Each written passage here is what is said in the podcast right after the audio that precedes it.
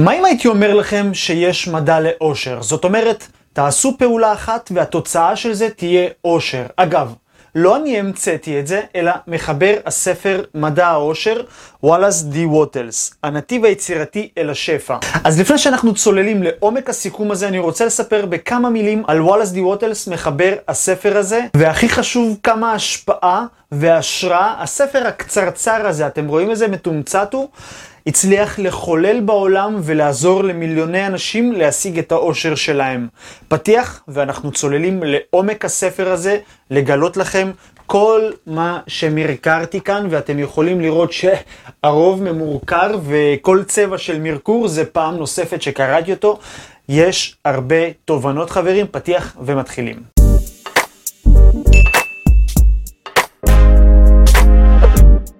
מה קורה חברים? כאן רפאל אגודאי, והיום אנחנו נסכם את הספר מדע העושר. אבל רגע לפני שאנחנו מתחילים. אם אתם חדשים בערוץ הזה, אני מזמין אתכם להירשם לערוץ ולקבל עדכונים לפני שכל פרק עולה.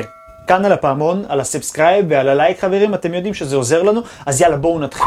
אז תראו, אולי באמת לא יצא לכם לקרוא את הספר הזה 20 פעם, כמו שאני קראתי אותו והאזנתי לו במשך שנה שלמה, יום, יום, יום, יום, במשך יום ולילה האזנתי לו, אה, אבל אני מאמין שאת מי שקיבל השראה והשפעה מהספר הזה, בטוח יצא לכם לראות. על מי אני מדבר אתם בטח שואלים? מכירים את הסרט והספר הסוד של רונדה בירן, הספר והסרט שכבשו את העולם והגיעו למיליוני עותקים וצפיות?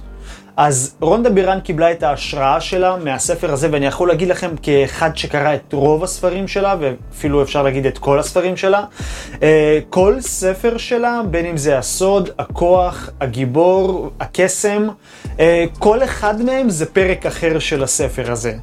מבטיח לכם, תקראו את הספרים ואתם תבינו שכל אחד מהם זה פרק מתוך הספר הזה, והיום אני הולך לגלות לכם אה, כמה תובנות מאוד עיקריות מהספר הזה. דבר נוסף, אני רוצה לגלות לכם עוד אנשים שאתם כנראה מכירים, אה, שגם קיבלו השראה מהספר הזה, אה, בוב פרוקטור, אה, ארל נייטינגל, שזה היה התלמיד של נפוליאון היל שכתב את הספר חשוב והתעשר, אה, אנטוני רובינס, אה, ג'ון אסרף, ג'ו ויטלי, ועוד המון המון המון אנשים, גם בארץ יש מלא אנשים, אבל שמתם לב, המון אנשים קיבלו השראה והשפעה מהספר הזה. הספר הזה נכתב ב-1910 נראה לי, ואני מאוד התחברתי לספר הזה. יש לסופר הזה עוד כמה ספרים, אבל הם לא קיבלו תרגום בעברית, אז בואו נעמיק. בתובנות עצמם, בשביל לתת לכם את הכלים הלכה למעשה, איך באמת להשיג אושר, אבל לפני הכל יותר חשוב להבין מה זה אושר. אז זהו, תראו, הדבר שמאוד סקרן אותי בספר הזה, זה באמת, הוא נקרא מדע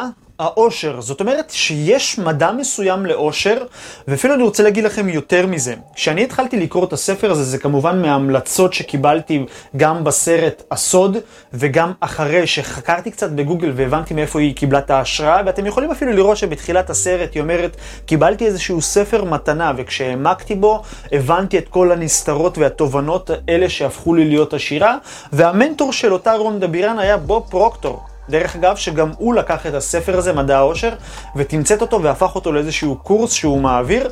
אה, אבל תראו, יש כאן איזושהי הבטחה מאוד גדולה, זאת אומרת, מדע העושר. זאת אומרת, שאפשר לקחת איזשהו תהליך שהוא מדעי, עובד באופן מדעי, זאת אומרת שתהליך שהוא מדוד, ואפשר ליישם את אותה שיטה ולהיות עשירים. נשאלת השאלה, מהי השיטה הזו?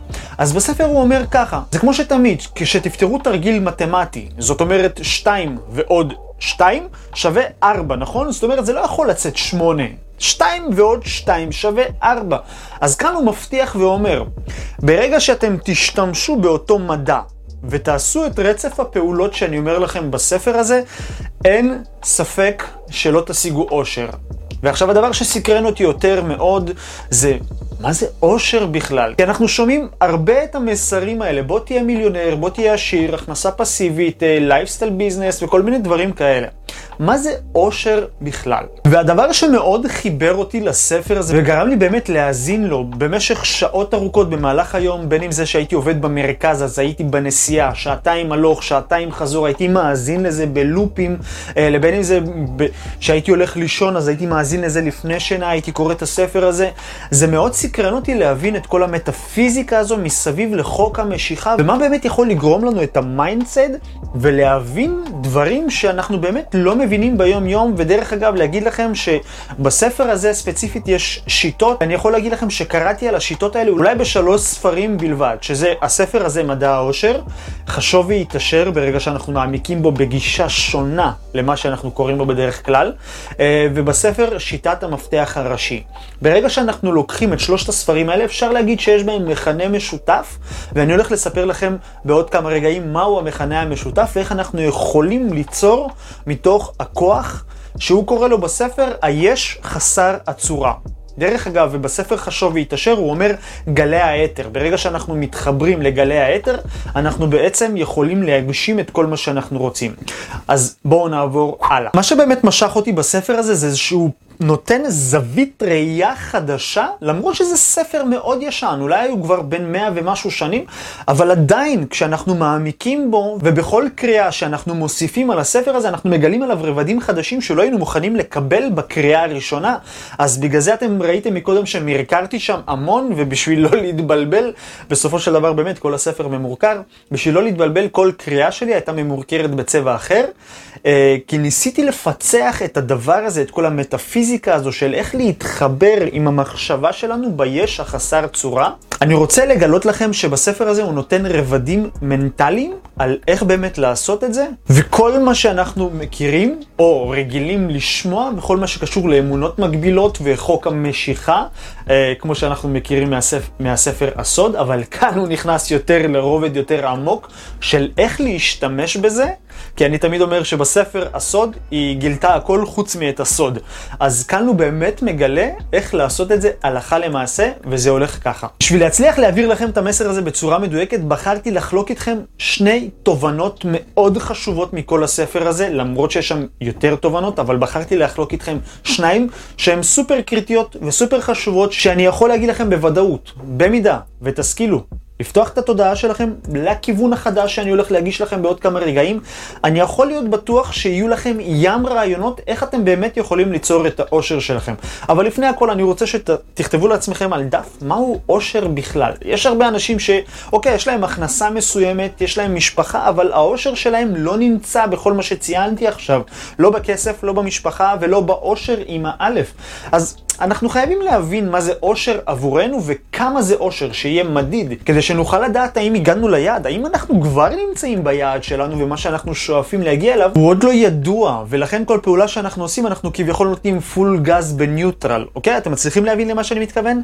אה, רצוי אפילו מאוד שתכתבו לעצמכם מה זה אושר עבורכם וכמה אושר באמת, כן, בעין. אז יאללה, אני רוצה לחלוק איתכם את שני התובנות הסופר חשובות האלה וזה הולך ככה. התובנה הראשונה היא בעצם אומרת את זה. כל אחד יכול להתעשר. לפני שאני מעמיק בתובנה הזו, אני רוצה לגלות לכם את התובנה השנייה, והיא הולכת ככה. התובנה השנייה היא נוסחת העושר. אני באמת אתן לכם את נוסחת העושר לפי מה שהוא כתב בספר הזה, ואני גם הוספתי המון מהחוויות האישיות שלי ומכל התהליכים העסקיים שאני עברתי והעברתי ללקוחות. והוספתי לזה המון המון המון רבדים, כדי לקחת את כל התובנות של הספר הזה ולהביא אותם לעידן החדש שלנו. לעידן השפע, לעידן הדיגיטלי, ובמיוחד אחרי הקורונה, כל מה שקורה כאן, אנחנו מצליחים להבין שהמון בעולם העסקי השתנה, ובשביל להרוויח יותר כסף אנחנו צריכים להתאים את העסקים שלנו לעידן החדש. אז אני רוצה לשלב כאן המון המון רעיונות שייתנו לכם בום. פצצות כאלה קטנות למוח, שייתנו לכם כיווני חשיבה חדשים, שיעזרו לכם באמת להשיג את מה שאתם רוצים להשיג מבחינת עושר. אז בואו נרחיב על כל אחת מהתובנות האלה, בשביל שתצליחו להפיק את מה שאתם באמת רוצים. אז התובנה הראשונה היא ככה, כל אחד יכול להיות עשיר. עכשיו, למה היה חשוב לו לציין את הנקודה הזו שכל אחד יכול להיות עשיר? כי רוב האנשים יש להם איזושהי אמונה מגבילה שאנשים עשירים הם סוג של אנשים מסוימים. אז תשלימו את המשפט הזה, אנשים עשירים הם טטטה. מה אתם חושבים על זה? מי הם אותם האנשים עשירים? וכאן הוא בא בגישה הפוכה ואומר, תראו, כולם יכולים להיות עשירים. השוני בין האנשים שהם לא עשירים לאנשים שהם עשירים, הם פשוט אנשים עשירים עושים פעולות מסוימות שהאנשים הלא עשירים לא עושים את הפעולות האלה. והוא מוסיף ואומר, תראו, תצאו מהאשליה הזאת שיש איזשהו גבול לשפע. אין גבול לשום שפע. והוא אומר את זה במילים האלה, אין הגבלה על העושר הקיים בעולם. אני רוצה להוסיף ולהביא לכם ציטוט מהספר חשוב והתעשר, הוא אומר, במוחם של אנשים קיים יותר זהב מאשר התגלה אי פעם באדמה. תבואו את הציטוט הזה. ותנסו לפענח אותו ולהבין מה זאת אומרת במוחם של האנשים קיים יותר זהב מאשר שהתגלה אי פעם באדמה. הרעיונות שלנו, חברים, הרעיונות שלנו, תחשבו על זה. בן אדם עכשיו הוגה איזשהו רעיון, מכניס לשם תשוקה, דמיון, פנטזיה, מרכיב צוות, בונים מוצר, מוכרים מוצר, הופ, יכול להיות אה, עשיר, יכול להיות אה, בן אדם בעל שפע וממון רב, לא? תחשבו על זה, כל עולם הסטארט-אפ, הרי מישהו הגה שם רעיון, מישהו ידע למשוך את המשקיעים הנכונים, מישהו ידע למכור את הרעיון, להרכיב צוותים וכן הלאה, גם חנות, אם אתם חושבים על זה, זה הרי בא מאיזשהו גל חשיבתי שאתם אומרים, וואו, בא לי לפתוח חנות. פלאפליה, חנות לבגדים, או כל דבר אחר. וואו, בא לי להקים איזשהו מוצר דיגיטלי, בא לי לפתוח איזושהי חנות אינטרנטית, איזשהו רעיון, ועל זה הוא אומר שבמוחם של אנשים קיים יותר זהב מאשר שהתגלה אי פעם באדמה. Uh, הוא התכוון ואמר את זה, כי באותה תקופה יותר אנשים היו קוראים באדמה זהב בשביל להתעשר, אז הוא אומר, תבינו, תפסיקו לחפש רק באדמה זהב. במוח שלכם קיים יותר זהב. אז בואו נעבור לעיקרון הבא של התובנה מספר 1. ותראו, נכון, במוחם של אנשים קיים יותר זהב, אבל עדיין לא כולם עוברים לצד העשיר. למה זה עובד ככה בעצם? זוכרים שמקודם אמרתי אין גבול לשפע הקיים בעולם? הגבול היחיד שקיים זה בהגבלה שלנו להבין שאנחנו ראויים להכיל את כל השפע הזה. הגבול היחיד שקיים הוא האמונה שלנו שמגבילה אותנו מלהכיל את הרעיון שאנחנו ראויים לשפע הזה.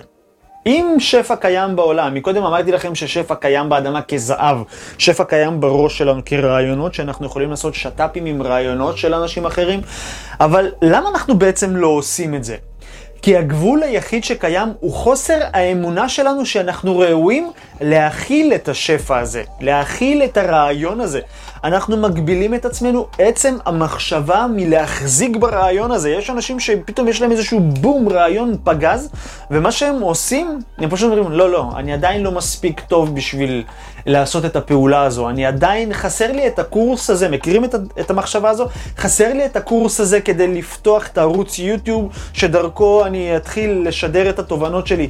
חסר לי מיומנות מסוימת כדי להציע את המוצר שלי בפייסבוק או באינסטגרם. חסר לי משהו, אני לא טכנולוגי כדי לעשות וובינר ולמכור את השירות שלי. אני לא טכנולוגי כדי לעשות אה, פגישות בזום אחד על אחד, אז אני לא מתחיל לקדם את עצמי בכלל.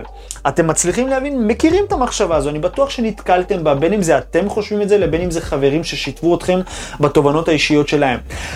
עצם העניין כאן הוא לאפשר לעצמכם להכיל את הרעיון הזה שהשפע הוא של כולם.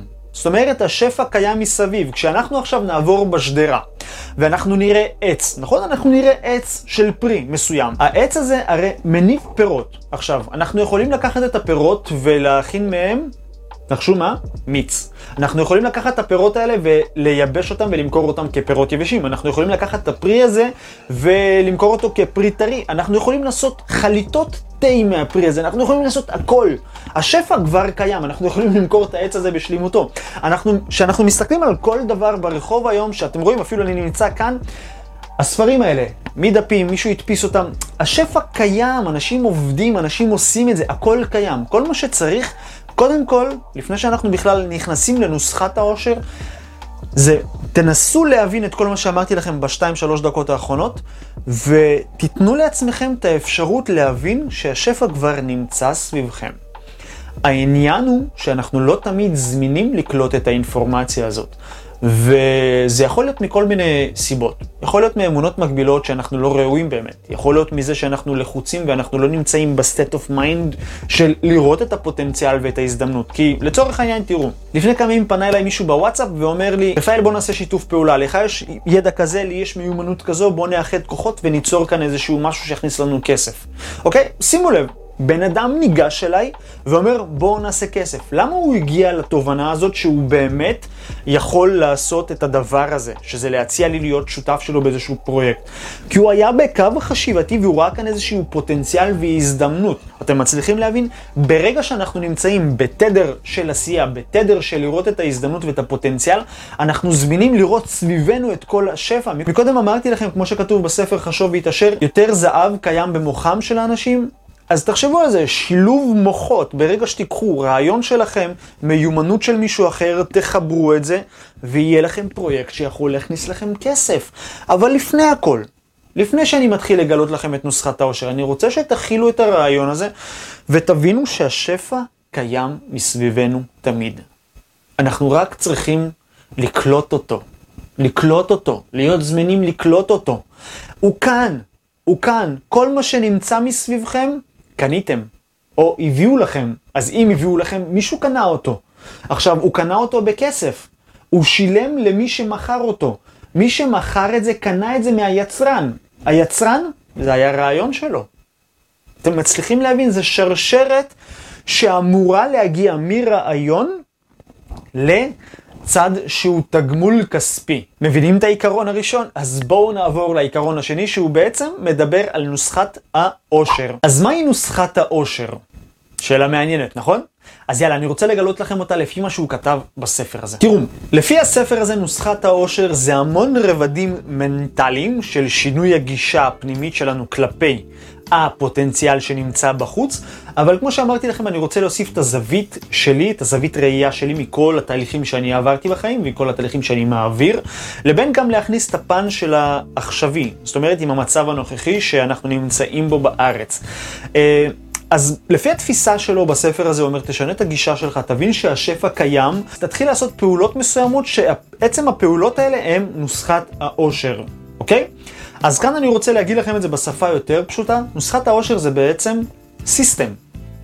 system, זאת אומרת, כמו שאמרתי לכם בהתחלה, של 2 ועוד 2 שווה 4, זה system. וזה הולך ככה בעולם שלנו. לצורך העניין, נרוץ עם הדוגמה, אני מאמן כושר, נכון? אז יש לי מוצר שזה האימונים שלי. אני עושה קמפיין שמזמין לקוחות. אנשים עשירים פרטיים, אני חוזר אליהם. אני עושה להם שיחת מכירה, שזה היה חוזר אליהם, סוגר עסקה, מזמין אותם לסטודיו. נקודה. הם משלמים לי על זה, כן? על האימון. כל רצף הפעולות הזה זה נקרא סיסטם. וככל שהוא יהיה אוטומטי יותר, ככה יהיה לנו יותר זמן לעשות את הפעולות ואת הדברים שאנחנו רוצים לעשות. עכשיו, לפני שאנחנו צוללים לתוך זה ומבינים איך כל אחד יכול להטמיע system בעסק שלו, בואו נבין בכלל ממה זה מתחיל. אז הדבר הזה, שאנחנו מדברים על system, זה יותר דבר שהוא טכנולוגי, אוקיי? כל מה שאמרתי לכם, רצף הפעולות הזה. אבל בעצם, מה אנחנו מוכרים לאותם האנשים? אז כאן אני רוצה להוסיף ולהגיד לכם, לכל אחד מאיתנו יש כישרון. ואני רוצה לשאול אתכם, מה הכישרון שלכם? ועכשיו כנראה אתם יושבים או באמצע הליכה או אפילו באמצע נסיעה לעבודה ואתם מאזינים וצופים בסרטון הזה ואתם אומרים, אה, מה הכישרון שלי כבר? מה זה יכול להיות? אז אני רוצה להגיד לכם ולתת לכם אפילו איזושהי משימה קטנה. קחו מחברת ותכתבו שם מ-1 עד 20, תמספרו את השורות, אוקיי? וליד כל מספר תכתבו מה הכישרון שלכם. נניח יש בן אדם שיודע לשיר, אז שיכתוב לשיר. אז uh, אם הוא יודע לשיר, כנראה שיש לו שמיעה מוזיקלית. ואני מניח שגם אם הוא יודע לשיר ויש לו שמיעה מוזיקלית, אז הוא יודע לנגן. Uh, נניח ואותו בן אדם אוהב לצייר, אז זה גם כישרון, אז הוא כותב את זה שם, וכל מה שהוא יודע לעשות, שיכתוב שם. תכתבו לעצמכם. כל מה שאתם יכולים לעשות שהם הכישרונות שלכם. לפני שאני מגלה לכם מה אנחנו נעשה איתם, אנחנו צריכים לעבור לפרק ב' של המשימה הזאת. אחרי שאנחנו כותבים את כל הכישרונות, אני רוצה לתת לכם עוד משימה קטנטונת, אבל תאמינו לי שהיא תשתלם לכם, ועוד איך במידה ותיישמו את מה שאני הולך להגיד לכם בסעיף מספר ג'. אז בסעיף מספר ב' זה מה המיומנות שלכם. מה המיומנויות שיש לכם? זאת אומרת, כישרונות זה משהו שאנחנו מפתחים. נניח ההורים שלי שלחו אותי לחוג ג'ודו, אז יש לי איזשהו כישרון של אומנות לחימה ודברים כאלה, ועל הדרך צברתי מיומנות של להבין ולקרוא את כל המהלכים שהולכים באומנות הלחימה של ג'ודו, וזה יכול להיות בכל חוג, יכול להיות בכל תחום עבודה, יכול להיות, עברתי איזשהו קורס של אה, קידום ממומן בפייסבוק, אז זו מיומנות שצברתי וכישרון מסוים בלנהל משא ומתן. אתם מצליחים להבין? כל הדברים הקטנים האלה, אם אנחנו לא כותבים אותם, הדברים האלה, בוף, נשכחים לנו מהראש, כי וואלה, יש לנו המון דברים לעשות במהלך היום, ולא תמיד אנחנו תקועים בתוך האגו של עצמנו, ווואלה, אני כזה גדול, ואני תותח, ואני יודע את זה, ואת זה, ואת זה, ואת זה, ואת זה. לא, אנחנו לרוב כבני אדם שוכחים ממה שאנחנו, אה, מהכישרונות ומהמיומנות שלנו, כי אנחנו עסוקים בדברים יותר גדולים בחיים. אבל כאן אני רוצה לעצור את כל הרצף שצף של היום-יום שלכם, ותכתבו לעצמכם את זה, ואתם תודו לי על זה בסוף, חברים. אז תכתבו בצד אחד של המחברת 20 כישרונות שיש לכם, ומצד שני 20 מיומנויות שיש לכם. ועכשיו אני רוצה שתתחילו למפות את כל הכישרונות והמיומנות, ותבחרו שלושה מכל ה-20 המיומנויות וה-20 הכישרונות. תבחרו שלושה, ואז תסנקרנו ביניהם. תחשבו איך אתם יכולים לשלב ביניהם, ותנו לדמיון שלכם לפרוח, תנו לפנטזיה שלכם לעוף. לכו על זה. אם נניח, סתם, אני רוצה לשתף אתכם באיזשהו רעיון שהיה לי לפני איזשהו חצי שנה. אה, ראיתי איזשהו פוטנציאל בעיר המגורים שלי לעשות קמפיינים לבעלי עסקים, בדיוק כשהקורונה רק התחילה, אוקיי? אז אמרתי, אוקיי, אני יודע לעשות קמפיינים בקטנה, לא 100%. גם אין לי הרבה סבלנות להתעסק עם כל התרגותים האלה, למרות שלמדתי את זה. למדתי את זה בכמה קורסים, אבל אין לי סבלנות להתעסק עם זה. אבל הכישרון שגיליתי שיש לי זה בלדבר עם אנשים ולהסביר להם בצורה מאוד טובה ולשכנע אותם. תקראו לזה איש מכירות, תקראו לזה אה, פרזנטציית אה, דיבור מפני קהל, איך שתרצו תקראו לזה, אבל זה הכישרון שלי, זה אני יודע שאני עושה טוב. אז אמרתי, אוקיי, איך אני יכול בכל זאת להניע את הפרויקט הזה, להתחיל לעשות קמפיינים לבעלי עסקים? אז מצאתי קמפיינרית ועשיתי איתה שיתוף פעולה. וזהו. העלינו קמפיין, אני הייתי עושה את הצד הזה. שזה אה, שיחות מכירה והכל, והיא הייתה עושה את הקידום. נקודה. וחילקנו בינינו את הנטל של העבודה, את הנטל של כל מה שקשור בפרויקט הזה. אוקיי? הפרויקט יצא לפועל, זה רעיון שקידמנו אותו, דיברנו בינינו, סיכמנו הכל. אז אני רוצה לעזור לכם גם לקחת איזשהו רעיון כאן, בשלוף. לא חושב יותר מדי בלי הכינותי מראש, נכון? נניח ועוד פעם, אני מאמן כושר, אחרי זה אני אתן דוגמה על uh, מעצב גרפי. לא יודע, סתם נזרום. אני מאמן כושר, ואני רוצה להתחיל לעשות תהליכים שהם אימונים, תזונה וליווי תזונה. אז מה שאני עושה, אני מחפש את האנשים שיכולים להשלים אותי מבחינת תהליך הידע.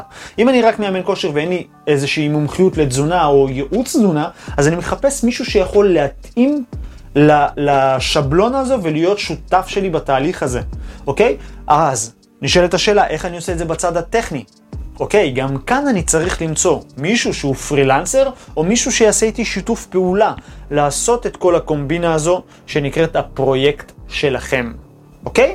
וכמובן שזה דורש מיתוג, כמובן שזה דורש הסכמים ביניכם, אני לא קופץ ואומר לכם תהיו עשירים בן רגע, זה לא העניין. מה שאני רוצה להגיד לכם זה שאתם יכולים להוציא את הרעיון שלכם לפועל. ועכשיו תחשבו על זה שהסטארט-אפ של מיליוני דולרים ומיליארדי שקלים, הם התחילו מרעיון, הם התחילו מיזם שידע לחבר בין אנשים, הם התחילו מיזם שידע להביא משקיעים לפרויקט. כל דבר שתרצו זה מתחיל משם. אז אם אתם שואלים מאיפה העושר מגיע, העושר מגיע מהרעיון שלנו, העושר מגיע מזה שלקחנו אחריות לקדם אותו ולהביא את האנשים הנכונים שיעשו את הצעדים שאנחנו אולי לא יכולים לעשות, אבל עדיין הרעיון ימשיך להתקיים. נכון? אז כמו שאמרתי לכם על מעצב גרפי לצורך העניין. נניח ועוד פעם, אני מעצב גרפי ויש לי איזשהו רעיון אה, להתחיל לעשות איזשהו ליין ל... לעצב לוגויים או לעצב פוסטים למאמנים, מטפלים ויועצים. אז אני פונה ל-4-5 מאמנים, מטפלים ויועצים, אומר להם, חברים, אני עושה עכשיו איזשהו פיילוט, והייתי רוצה שתשתתפו, אני עוקב אחריכם ואני ממש נהנה לראות אתכם, אבל אני חושב שאפשר לדייק את זה קצת יותר.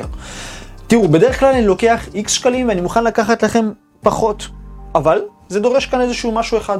אתם עושים איתי את השיתוף פעולה הזה ואתם נותנים לי עדויות. עדויות שיעזרו לי לקדם את הרעיון שלי. מתאים לכם? כן, כן. לא? ממשיכים הלאה. נניח ואני אחרי שהצבתי להם, אני רוצה לפרסם את זה ואני לא יכול, פונה לפרילנסר שיעזור לי ויעשה את זה. תראו חברים, השפע קיים. השאלה מה אנחנו עושים איתו. האם אנחנו מסתכלים עליהם ואומרים, רק הם יכולים להיות עשירים? או שאנחנו מסתכלים על זה ואומרים, איך אני יכול להיות כמוהם? איך אני יכול לקחת אחריות על החיים שלי ולעשות את הפעולות הנכונות שיכניסו לי את הכסף שאני רוצה בחיים? תחליטו, כל אחד יכול להיות עשיר. השאלה, מה אנחנו עושים? עם הידע, עם הזהב שקיים במוח שלנו. תחשבו על זה. זה זהב שאי אפשר למדוד אותו אפילו. לא במובן של פיננסים ולא במובן של כמות. זה זהב שהוא מתחדש כל הזמן. והדוגמה הכי טובה לזה זה כמה רעיונות היו לכם בחיים שאמרתם, בום, הרעיון הזה יכניס לי המון כסף. בום, הרעיון הזה הולך לעשות אותי מאושר. תחשבו על זה. גם רעיונות שלא לקחתם אותם לפועל. הרי המשכתם להגות רעיונות, נכון?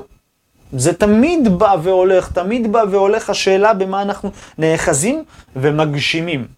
אוקיי? תזכרו את הכלל הזה כי זה מאוד חשוב. אוקיי חברים, אז עד לכאן היה החלק שלנו של הסיכום הזה. אז יש לי כמה דברים סופר חשובים להגיד לכם. הסיכום המלא של הספר מדע העושר, סיכום של שעה ויותר עם עשרה מרכיבים, שלב אחר שלב, איך ליישם את הספר הזה. מההתחלה ועד הסוף מחכים לכם במועדון סיכומי הספרים VIP. כל הפרטים על מועדון סיכומי הספרים VIP ובמיוחד על הסיכום של הספר הזה מחכים לכם בקישור שנמצא כאן בתיאור למטה. תיכנסו, תראו, תצפו, תהנו ואנחנו נתראה בפרק הבא. ביי ביי.